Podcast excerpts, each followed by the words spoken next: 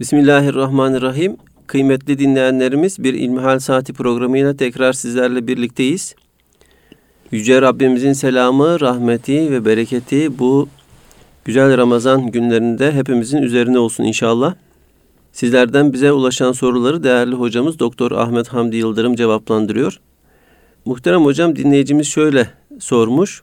İbadet yoğun bir aya girdik. Takva kelimesinin anlamı tam olarak nedir? Takvanın en düşük ve en yüksek dereceleri nelerdir? Elhamdülillahi Rabbil alemin ve salatu ve selamu ala Resulina Muhammedin ve ala alihi ve sahbihi ecmain. Nitekim ayeti kerimede de Cenab-ı Allah orucu bizlere farz kıldığını, orucun neticesinde takvaya ermemizin kuvvetle muhtemel olduğunu beyan ediyor. Sanki oruçtan maksadın takvaya erişmek olduğunu bu ayeti kerime bildirmiş oluyor. Binaenaleyh oruç ibadetimiz, diğer bütün ibadetlerimiz Cenab-ı Allah'ın emirlerine olan e, imtisalimiz, uymamız nihayetinde bizim takvamızı artırmaya yönelik olan fiillerdir. Takva temel itibariyle, kök itibariyle bir şeyden sakınmak, korunmak anlamına gelmektedir. Nitekim sahabe-i kiram efendilerimiz kendi aralarında takvanın ne olduğunu müzakere ederlerken Hazreti Ömer Efendimiz hiç dikenli bir tarladan, yoldan geçtiniz mi? Geçtiğinizde ne yaparsınız? İşte etek uçunuzu kaldırırsınız, elbiselerinize dikkat edersiniz. İşte takva budur. Yani üstünüzü başınızı yaralamadan, berelemeden dikenli bir yoldan geçip sahili selamete efendim e, sağlam bir noktaya ulaşabilmektir. Takva günahlara bulaşmadan, günah olan, isyan olan, Cenab-ı Allah'ın emirlerine karşı gelme sayılacak şeylere hiç bulaşmadan Cenab-ı Allah'ın emirlerini yerine getirip ahirete ulaşabilme meselesidir. Elbette her şeyin ölçüsü olduğu gibi takvanın da ölçüsü vardır. Takvanın imanla eşdeğer olduğunu düşünecek olursak Efendimiz Aleyhisselatü Vesselam iman şu kadar şubedir, şu kadar bölümdür. Bunun en yükseği la ilahe illallah demektir. En düşüğü de yolda Müslümanlara, insanlara sıkıntı verecek olan, eziyet verecek olan bir şeyi yoldan kaldırmaktır diye ifade buyurmaktadır. Dolayısıyla insanların rahatsızlığına sebep olacak herhangi bir şeyden kaçınmak iman alameti, göstergesi olduğu gibi aynı zamanda bir takva göstergesidir. Takva insanın hiçbir kul hakkına girmeden ibadetlerini bir hakkını yerine getirmek suretiyle bırakın kul hakkına girmeyi, hiçbir mahlukatın, yaratılmışın hakkına girmeden ahirete göçebilme becerisini gösterebilmektir. Gün içerisine baktığımızda ne kadar yoğun bir şekilde işte insanların birbirleriyle ilgili konuştuklarını, ettiklerini görüyoruz. Bunlar insandaki iman eksikliğinden kaynaklanan bir problemdir. Oysa takva sahibi olan bir kimse yaptığı ettiği her şeyin hesabını Cenab-ı Allah'a vereceğinden emin olduğu için herhangi bir şeyi yaparken, herhangi bir sözü söylerken kılı kırk yararcasına söyler. İşte bu takvanın göstergesidir. Titiz olmak, dikkatli olmak, efendim yaptığı işi doğru yaptığının veya yapamadığının hesabını, muhasebesini tutmak gerekir. Bu yönüyle baktığınızda takvanın bir sınırı yoktur. Çünkü takva Cenab-ı Allah'a saygınlığımızı göstermeye çalışmaktır. Cenab-ı Allah'ın emirlerine karşı olan saygımızı, Cenab-ı Allah'ın yasaklarına karşı olan dikkatimizi ifade etmektedir. Bir insan ne kadar dikkatli olursa olsun elbette bir takım şeyler kaçacaktır. Bu yönüyle de takvanın bir sınırının olmadığını çok rahatça söyleyebiliriz. Tabi herkesin takvası da kendi içinde bulunduğu duruma göre değişmektedir. Düşünün ki bir kimse eğer dünyevi ölçekte ilkokula gidiyor ise ona sorulan sorular ilkokul düzeyinde sorulardır. Ondan beklenen davranışlar da bir ilkokul çocuğunun göstereceği davranışlardır. Ama eğer bir kimse yüksek tahsil yapıyorsa o zaman ona sorulacak sorular onun tahsiline mütenasip olan sorular olacaktır ve ondan beklenen davranışlar da aynı şekilde bu düzeyde olacaktır. Böyle olunca da her insan kendi yaşadığı manevi kıvama göre, içinde bulunduğu erdem değerlerine göre bir takva hayatı yaşıyor demektir ve yaşamalıdır. Nitekim e, büyüklerimizin şöyle bir sözü var. Hasanatul ebrar, seyyiatul mukarrabin. Ebrar denilen iyi kulların namına iyilik sayılan, güzellik sayılan şeyler, mukarrab denilen Cenab-ı Allah'a yakınlaşmış olan kullar için günah kabul edilir, kötülük kabul edilir. Bunu şöyle ifade edebiliriz. E, Şibli Hazretlerine sormuşlar, zekatın miktarı ne kadardır? Bize göre mi, size göre mi diye cevaplamış. Tabi garipsemişler. Yani şeriatın size göre, bize göre ne olanı mı vardır diye sorduklarında Şibli Hazretleri demiş ki size göre zekat kırkta bir olarak verilir. Bize göre ise malın tamamını vermek gerekir. Şimdi buradan bakıldığında bir kimse malının kırkta birini verdiğinde zekatını vermiş sayılır. Ama duygu yoğun yaşayan bir Müslümana gelince etrafında ihtiyaç sahibi kimseleri gördüğünde onlara efendim ben zekatımı verdim siz ne haliniz varsa görün diyemeyeceğinden dolayı elinde avucundaki her şeyi etrafında gördüğü muhtaç kimselere, ihtiyaç halindeki insanlara dağıtacaktır. Dolayısıyla takva burada elinde avucunda olan her şeyi vermek anlamına gelmektedir. Eğer etrafında senin elindekine muhtaç bir kimse varsa ama elbette bu kendi çoluğunu çocuğunu efendim mahrum bırakmak, insanın bizzat kendisini mahrum bırakması anlamına gelmiyor. Bu yönüyle bakıldığında herkes içinde bulunduğu durumun sınırlarını zorlayacak şekilde bir iyilik hizmetkarı kesilmeye memurdur. Takva da insanın yaptığı iyilikleri kendinden bilmemesi, Cenab-ı Allah'ın ona bir lütfu olarak ona iyilik yapma duygusunu vermesi olarak görmesidir. Bu yönüyle takva insanın kendisini gizlemesi, her şeyi Cenab-ı Allah'a atfetmesidir. Aynı zamanda bu ihlas kelimesiyle de karşılaştırılabilir.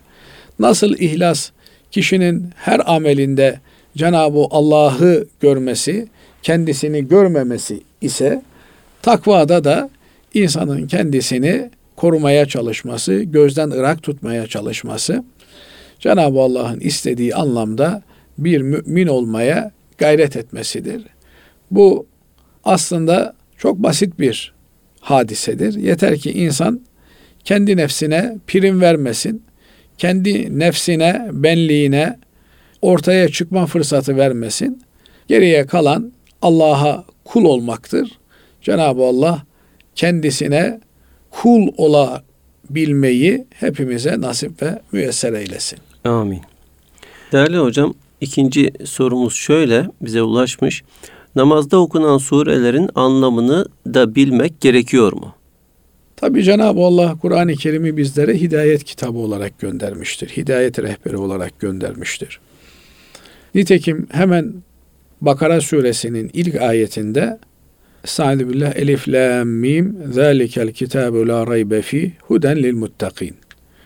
Bu kitap, şu kitap asla şek ve şüphe taşımayan bir kitaptır. Tereddüt taşımayan bir kitaptır.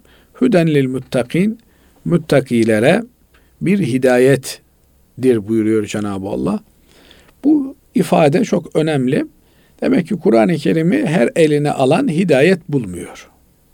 Kur'an-ı Kerim bir hidayet kitabı olarak bizlere gelmiş. Cenab-ı Allah Kur'an-ı Kerim'i insanlar doğru yolu bulsunlar, doğru yolda sebat etsinler diye peygamberine göndermiş. Peygamberini de Kur'an-ı Kerim'in bir tür izahı sadedinde, şarihi sadedinde açıklayıcısı olarak göndermiş. Şimdi buradan bakıldığında Kur'an-ı Kerim'in herkese kendisini açmadığı, herkese hidayet olmadığı, sadece müttakilere hidayet olduğu anlaşılıyor. Demek ki Kur'an-ı Kerim'den istifade edebilmenin, Kur'an-ı Kerim'den hakkıyla müstefid olabilmenin, faydalanabilmenin yolu takvadan geçiyor. Muttaki olanları da Cenab-ı Allah Allah'a, peygamberine ve ahiret gününe iman edenler, namazlarını kılanlar, zekatlarını verenler olarak ileriki ayetlerde beyan ediyor ve sadece bunlar kurtulacak olanlardır diyor Cenab-ı Allah. Demek ki takva Allah'a ve ahiret gününe hakkıyla iman etmek olarak burada karşımıza çıkıyor. Şimdi Kur'an-ı Kerim'in manasını bilmeyen, surelerin ne anlama geldiğini bilmeyen bir kimse Kur'an-ı Kerim okumuş olmaz mı? Olur. Kur'an-ı Kerim'den istifade eder mi? Eder. Her yönüyle eder. Hem Kur'an-ı Kerim'i tilavet etme açısından istifade eder, hem de Kur'an-ı Kerim'in kılavuzluğu yönüyle istifade eder. Şöyle ki Hz. Peygamber aleyhissalatü vesselam Efendimiz Kur'an-ı Kerim okumamızı tavsiye ederken buyuruyorlar ki Kur'an'ı okuyan kimse her bir harfine on hasene alır. On sevap alır. Peşinden de buyuruyorlar ki ben size elif, lam, mim bir harftir demiyorum. Elif bir harftir, lam bir harftir, mim bir harftir. Binaenaleyh elif, la, mim okuyan bir kimse 30 hasene yani 30 sevap almış olur. Biliyorsunuz Kur'an-ı Kerim'in bazı surelerinin başında geçen bu kesik harfler diye Türkçe'ye tercüme ettiğimiz hurufu mukatta elif, la, mim, kaf, nun, yasin, ha, mim, ha, mim, ayn, sin, kaf bunlar Arap alfabesinin harfleri elif, la, mim, elif ve lam ve mim harflerinin yan yana gelmesinden müteşekkil bir terkip. Türkçemizde A, B, C demek gibi. Evet. Efendim A, B, C dese bir kimse bundan ne anlaşılır? Veya D, F, G dese ne anlaşılır? İki tane harf, üç tane harf yan yana gelmiş, dizilmiş. Bunların müteşabih dediğimiz manasını sadece Cenab-ı Allah'ın bildiği ve Allah'ın bildirdiği kimselerin bildiği kapalı cümlelerdir, ifadelerdir. Binaenaleyh elif, la, mim okuyan kimse manasını bilmeden Kur'an-ı Kerim okumuş demektir. Buna rağmen Hz. Peygamber aleyhissalatu vesselam Efendimiz bu kimsenin elif için bir değil on, lam için on, mim için on toplamda 30 hasene alacağını, 30 sevap alacağını bildiriyor. Anlıyoruz ki Kur'an-ı Kerim'in manasını bilmeden de okuyan bir kimse ondan sevap alacak.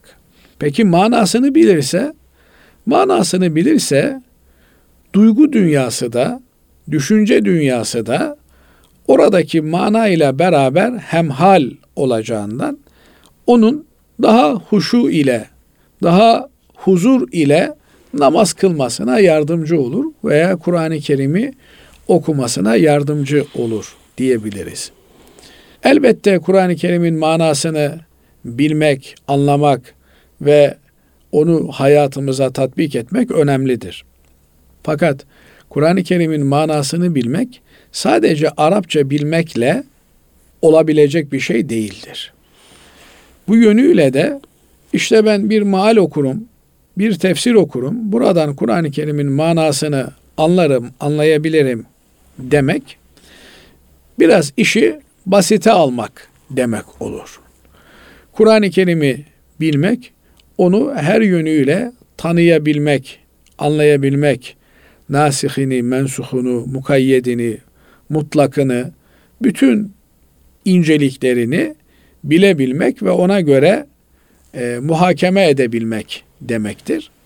Bu özel uğraş gerektiren, bu uğurda çaba sarf etmeyi gerektiren bir meseledir.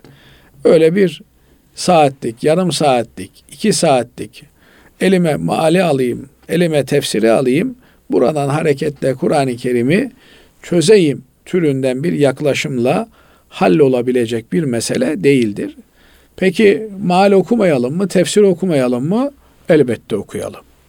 Elbette okuyalım. Fakat okuduğumuz mahaller üzerinden, tefsirler üzerinden bir yargı üretmeye kalktığımızda dikkatli olalım. Muhakkak bir uzman kişiyle beraber, bir hoca efendiyle beraber değerlendirmelerde bulunalım. Onların ilimlerine müracaat edelim.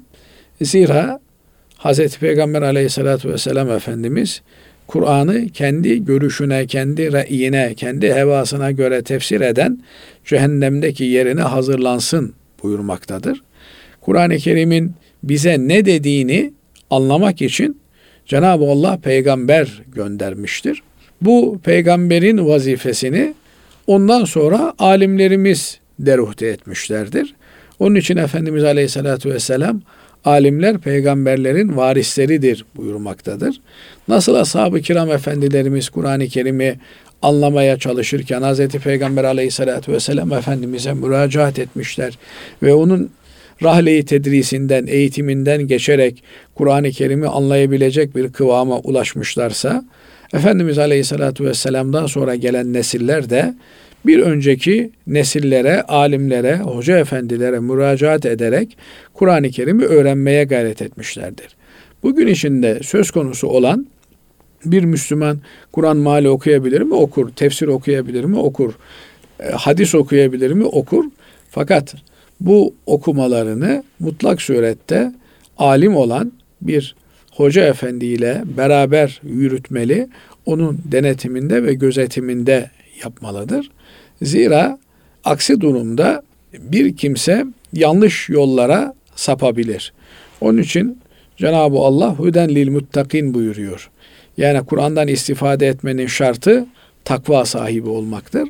Takva sahibi olmak, yanlış yapar mıyım endişesini sonuna kadar taşımak ve her türlü riskli alandan uzak durmak anlamına geliyor. Cenab-ı Allah Kur'an-ı Kerim'ini okuyan, okutan, anlayan, okumasını, okutmasını seven kullarından bizleri eylesin. Kur'an-ı Kerim'in manasını bilmeden okumak olmaz diyenler Kur'an-ı Kerim'e karşı çok büyük bir hadsizlikte bulunmaktadırlar. Kur'an'ın Allah kelamı olduğunun şuurunda olarak bir kimse Kur'an-ı Kerim'i okuyorsa o Cenab-ı Allah'la konuşuyor demektir. Cenab-ı Allah onu muhatap almış, ona emirlerini, yasaklarını beyan ediyor demektir.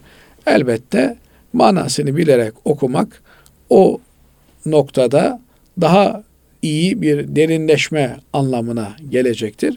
Cenab-ı Allah hepimizi Kur'an-ı Kerim'i manasını anlayarak, bilerek ve yaşayarak onu hayatımıza tatbik ederek okuyan kullarından eylesin. Amin hocam. Allah razı olsun. Kıymetli dinleyenlerimiz Erkam Radyo'da İlmihal Saati programımıza kaldığımız yerden devam ediyoruz. Sizden e, bize ulaşan soruları muhterem hocamız Doktor Ahmet Hamdi Yıldırım cevaplandırıyor. Hocam çalıştığım iş yerinde dine aykırı konuşmalar olduğunda ne yapmalıyım? diye sormuş dinleyicimiz. Tabi bizim hayatımız Cenab-ı Allah'a kulluk üzerine şekillenecek. Nitekim şu anda Ramazan-ı Şerif ayında bulunuyoruz. Oruç yoğun bir atmosferin içerisindeyiz. Kur'an-ı Kerim yoğun bir atmosferin içerisindeyiz. Minaenaleyh bizim hayatımızın her safhası ibadet yoğun olarak geçmektedir. Bir insan 24 saatlik zaman dilimi içerisinde ben şu kadar saat Allah'a kulluk yaparım, şu kadar saat kendime çalışırım türünden bir taksimata sahip değil. Biz 7-24 Cenab-ı Allah'ın kuluyuz. Yeri 24 Allah'a ibadetle mükellefiz. Kulluğumuzu yerine getirmekle mükellefiz. Kulluk dediğimiz şey camide namaz olarak tecelli eder, iş yerinde ticaret olarak tecelli eder veya işçi olarak, hizmet eri olarak tecelli eder. Evimizde aile reisi olarak, anne olarak, baba olarak, çocuk olarak, okulda öğretmen olarak, öğrenci olarak karşımıza çıkar. Ama hayatın her safhasında biz Allah'ın kuluyuz ve Allah'a karşı hesap verme bilinci içerisinde bulunmamız gerekiyor. Efendim ben çalışma hayatımı seküler olarak düzenleyeyim. İbadet hayatımı camide efendim seccadenin başında yerine getireyim. Şu kadarını Cenab-ı Allah'a tahsis edeyim, bu kadarını kendime tahsis edeyim diye böyle bir kulluğa zaman dilimi tayin etmek gibi bir densizlik Müslümanla bağdaşacak bir şey değildir. Müslüman 7-24 efendim ana rahminden kabrin kucağına kadar her safhada Allah'a kuldur. Allah'a kul olmanın tadını çıkartmakla meşguldür. Binaenaleyh biz iş yerinde de Allah'a kul kimliğimizle varlığımızı sürdüreceğiz. Bu noktada maalesef bazı kardeşlerimiz e, camide, namazında, niyazında, orucunda ama durum işe geldiğinde farklı bir kimliğe, farklı bir pozisyona kendini sokuyor. Bu çok yanlış bir şey. Bizim kulluğumuz iş yerinde de devam ediyor. Patronsak daha yoğun bir sorumluluk ile beraber devam ediyor. Çünkü kendi ibadetimizin, kulluğumuzun sorumluluğu üzerimizde olduğu gibi çalıştırdığımız insanların kulluğunun da sorumluluğu bizim üzerimizdedir. Efendim güzel abdest alabiliyorlar mı? Güzel namaz kılabiliyorlar mı? Abdest alma imkanları yerinde mi? Namaz kılma imkanları yerinde mi? Öyle birkaç ay önce bir büyüğümüzün fabrikasına gittik. Böyle fabrikanın en güzel katı, dördüncü, beşinci katı artık neyse, mescit olarak dizayn edilmiş. Tertemiz abdestlikler. Yani insan o mescidin içerisine girdiğinde orada huzurla doluyor. Adeta oradan çıkmak istemiyor. Halbuki birçok iş yerinde maalesef bu tür mescitlerin, abdest alma yerlerinin izbe yerlerde olduğunu, efendim loş yerlerde, havasız, ışıksız yerlerde olduğunu ve giden insanlar bir an önce oradan kurtulmak için adeta yasak savar gibi zorla durabildiklerini söylüyorlar. Bu noktada hakikaten işverenlerin, çalıştırdıkları kimselerin dini hayatlarına hassasiyet göstermeleri, onların yardımcıları olmaları gerekiyor. Çünkü Cenab-ı Allah bir pozisyon vermiş size. Bu pozisyonu Allah'a kulluk olarak değerlendirmemiz gerekiyor. Eğer nankörlük edersek ve Cenab-ı Allah'a kulluk olarak bunu değerlendirmezsek bunun vebali ağır olmuş olur. Aynı şekilde işçi olarak da bir yerde bulunuyorsak orada Allah'a kul olduğumuzun bilincinde olarak bulunmalıyız. Büyük patronun, ana patronun alemlerin Rabbi olan Allah olduğunu unutmamamız gerekiyor. Biz bu dünyada mecazi patronların işini belki yapmak durumunda Cenab-ı Allah bizleri bırakıyor. O da hikmeti kendince malumdur.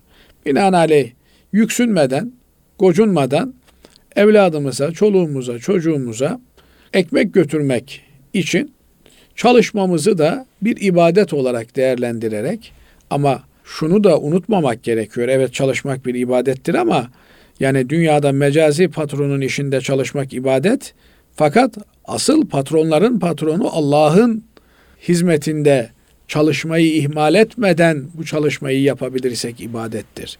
Yani namazımızı aksatmadan, orucumuzu aksatmadan, ibadetimizi aksatmadan bunları yapabiliyorsak ne ala. Eğer bulunduğumuz yerlerde bir takım kimseler dini mübini İslam'la ilgili, İslam'ın emirleriyle ilgili ileri geri konuşuyorlarsa onları ikaz etmemiz, onlara nasihat etmemiz, onlara dinimizi tebliğ etmemiz gerekiyor. Fakat bazı insanlar bizim tebliğimizi daha da isyanlarına bir tuğyanlarına efendim e, azgınlıklarına vesile yaparak daha da ileriye gideceklerse o zaman kar zarar dengesini gütmek suretiyle susmayı tercih ederiz. Fakat sustuğumuz zaman oradan ayrılmak durumundayız. Yani onlar Allah'a, peygamberine, Allah'ın kitabına isyan halinde iken onlarla beraber aynı meclisi paylaşmak, onlarla beraber hemhal olmak, deyip gülmek asla bir Müslümana yakışacak bir durum değildir. En azından biz olduğumuz yerde Allah'ın diniyle ilgili kimseye olumsuz bir laf ettirmememiz gerekiyor. Eğer müdahale edemeyecek bir durumda isek o zaman lanetin yağdığı, ateşin yağdığı o meclisten derhal ayrılmamız gerekiyor. Çünkü Allah'a isyan olan bir meclise lanet yağıyordur, gadap yağıyordur, ateş yağıyordur. İnsanlar belki bunu hissetmeyebilirler, görmeyebilirler ama bunun böyle olduğu muhakkaktır. Dolayısıyla buradan uzaklaşmamız Kur'an-ı Kerim'de Cenab-ı Allah'ın bizlere emridir. Allah'ın ayetleriyle dalga geçilen yerlerde oturmayınız buyurmaktadır Cenab-ı Allah. Bize düşen bu tür yerlerden uzak durmak, kaçmaktır. Evet. Değerli hocam, bir sonraki sorumuz şöyle. Hikmet Kur'an'la birlikte mi indirilmiştir? Arapça bilmeyenler Kur'an'ı anlayamaz mı? Evet bunu e, Arapça bilmeyenler Kur'an'ı anlayamazlar mı ifadesini bir önceki sualinizde bir yönüyle cevaplandırmaya çalıştık. Kur'an-ı Kerim'i anlamaktan maksat nedir? Ne diyor mesela güzel Yunus'umuz? İlim ilim bilmektir. İlim kendin bilmektir. Sen kendini bilmezsen bu nice okumaktır. Yani bilmekten maksat, anlamaktan maksat nedir? Anlamaktan maksat muhtevasına bürünmek, içeriğini hazmetmek ve onu hayatımıza aksettirmek, yansıtmak ise bu anlamaktan daha ziyade takva ile alakalı bir meseledir. Nitekim Cenab-ı Allah Kur'an-ı Kerim'in hidayet kaynağı olduğunu ifade ederken Kur'an-ı Kerim anlayanlara hidayet kaynağıdır demiyor. Kur'an-ı Kerim müttakilere hidayet kaynağıdır diyor. Müttakiler de işte efendim namazını kılan, orucunu tutan, zekatını veren, Allah'a ve ahiret gününe iman etmiş Müslümanlardır.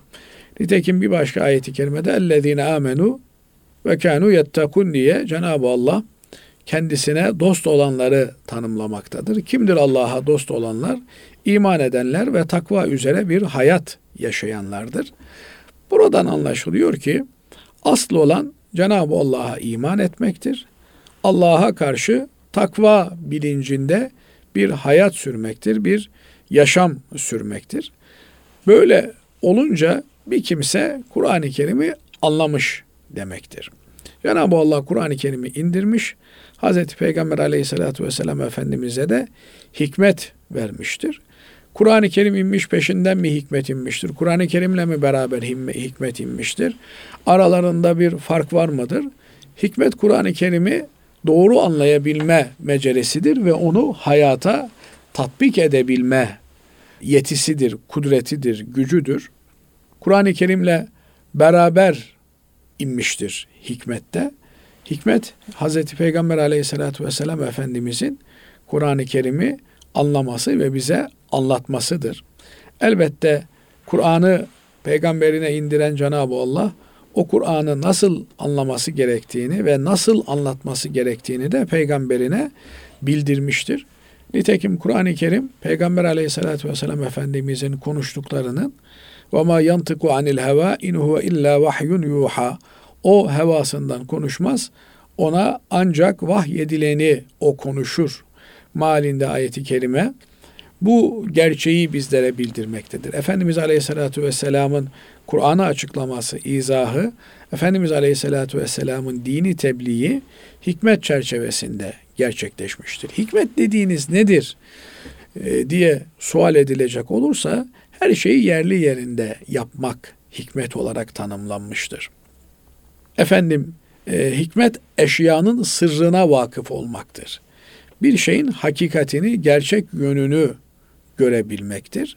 Ve men yu'tel hikmete fakat utiye hayran kesira. Cenab-ı Allah buyuruyor ki kime hikmet verilmişse ona büyük hayır verilmiştir. Çok hayır verilmiştir. Demek ki hikmet bir Allah vergisidir. İnsanın hakim olması, hikmet damlalarının ağzından dökülmesi de bir Allah vergisidir. Olayların gerçeğini görebilmesi. Nitekim Efendimiz Aleyhisselatü Vesselam bir başka hadis-i şeriflerinde de firasetel mu'min fe innehu yanzuru bi nurillah. Müminin firasetinden efendim geleceği görmesinden, olayları değerlendirmesinden çekininiz. Zira o Allah'ın nuruyla bakar demektedir. Bunların hepsi hikmet kelimesini bizlere ifade eden delillerdir. Demek ki hikmet sahibi olmak demek Allah'ın nuruyla olaylara bakabilmek demektir. Bunun için de kişinin hikmete ehil olması gerekir. Efendim herkesin ağzından hikmet dökülmez.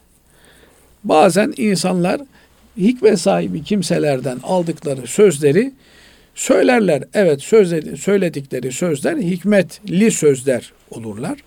Ama kişinin bütün söylediklerinin hikmet olabilmesi, davranışlarının hikmet olabilmesi için onun hikmete ehil olması gerekir. Efendimiz Aleyhisselatü Vesselam bir hadisi kutsi'de yani Cenab-ı Allah'tan bizlere aktardığı bir hadisi şeriflerinde Cenab-ı Allah buyuruyor ki kulum ona farz kıldığım ibadetlerden başka bana daha fazla yaklaşabileceği bir ibadet yoktur. Nafile ibadetlerle yani demek istiyor ki Allah'a yaklaşmanın en direkt yolu farz ibadetlerdir. Bu yönüyle de mesela şunu ifade edeyim. Mesela memleketimizde Ramazan-ı Şerif olduğunda e, hepimizde bir teravih namazını aman aksatmadan kılayım heyecanı oluşuyor. Evet. Fakat unutmamak gerekiyor ki teravih namazı nafile bir namaz, sünnet bir namaz. Ama öğle namazı, ikindi namazı, sabah namazı farz bir namaz. Teravihi aksatmadan kılmaya gayret eden bazı Müslümanların efendim işte sahuru bir erken yatıp yatmak suretiyle sabah namazını kılmadığı veya işte öğleyi uyuyarak geçirdiği öğle namazını kılmadığı gibi böyle çok e, dehşet manzaralar kulağa geliyor. Oysa hikmet her şeyi yerli yerinde yapmak demektir. Nafile namaza nafile namaz değerini vermek, farz olan namaza farz namaz değerini vermek demektir. Elbette peki bu adam teravih kılmasın mı? Kılsın. Namazın hiçbir şekilde kötü bir tarafı yoktur. Kaldı ki namaz kılmadığında ne yapacak? Günah işlerle meşgul olacaksa 24 saat namaz kılsın. Fakat hikmet her şeye hakkını vermek demektir. Efendim bir bebeğe süt vermek yetişkin bir adama da tabiri caizse kuru fasulyeyi porsiyon olarak vermektir. Ama siz e, bir yaşındaki bir bebeğe bu daha e, vitaminli, bu daha besleyici diye kuru fasulye verirseniz bu hikmetle bağdaşmaz. Binaenaleyh hikmet sahibi olabilmek için hadis-i şerifte Efendimiz Aleyhisselatü Vesselam Cenab-ı Allah'tan naklettiği bu hadis-i şerifinde Cenab-ı Allah buyuruyor ki kulum bana en fazla farz namazlarla yaklaşır diyor. Demek ki farz namazları ganimet bileceğiz. Allah'a yaklaşmanın en kestirme yolunun farz ibadetlerden geçtiğini bileceğiz. Mesela bazen bakıyorsunuz bir adam cami yaptırıyor, okullar yaptırıyor ama zekatını hesaplamaya gelince ben öyle bir hesap filan yapmadım şimdiye diyor. Olmaz. Nafile ibadetin yeri ayrı ama asıl yapılması gereken farz ibadetlerdir. Sonra Efendimiz Aleyhisselatü Vesselam Cenab-ı Allah'tan nakli, hadi, naklettiği hadisinde devam ediyor. Kulum nafile ibadetlerle bana yaklaşır. Öyle ki ben onun gören gözü olurum, işiten kulağı olurum, tutan eli olurum. Binaenaleyh hikmet ehli olabilmek için insanın farz namazlarını, farz ibadetlerini kusursuz yerine getirmesi, onun üzerine de Cenab-ı Allah'la bu derece Allah'ın sıfatlarıyla tahakkuk edebilecek derecede nafile ibadetlerini yoğun olarak yaşaması gerekir. Böyle olduğunda da kişide hikmet e, gözü açılır, hikmet kulağı açılır, hikmet lisanı açılır. Hakikaten yaptığı işlerde hikmet görünür. Cenab-ı Allah bizleri ehli hikmet eylesin deriz. Allah razı olsun hocam. Değerli hocam kısaca e, son sorumuzu da cevaplandıralım.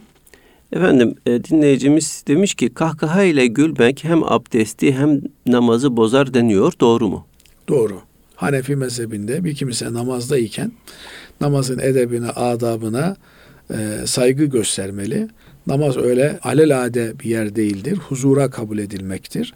Cenab-ı Allah'ın huzuruna ayakta durmak, dikilmektir. Orada bir kimse kahkaha atarsa e, yani bırakın abdestinin abdestinin bozulmasını dinden imandan çıkması bile söz konusudur. Bilerek böyle bir şeyi yaparsa ama gaflet etti. Efendim öyle büyük bir günah işlemiştir ki o yellenmeye e, benzemez. Dolayısıyla abdestini de tazelemesi, bir kendine gelmesi gerekir. Bununla ilgili Efendimiz Aleyhisselatü Vesselam'dan bir hadis rivayet edilmektedir.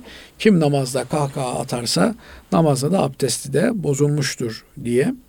Fakat bu hadis-i şerifle Hanefi mezhebi amel etmiştir.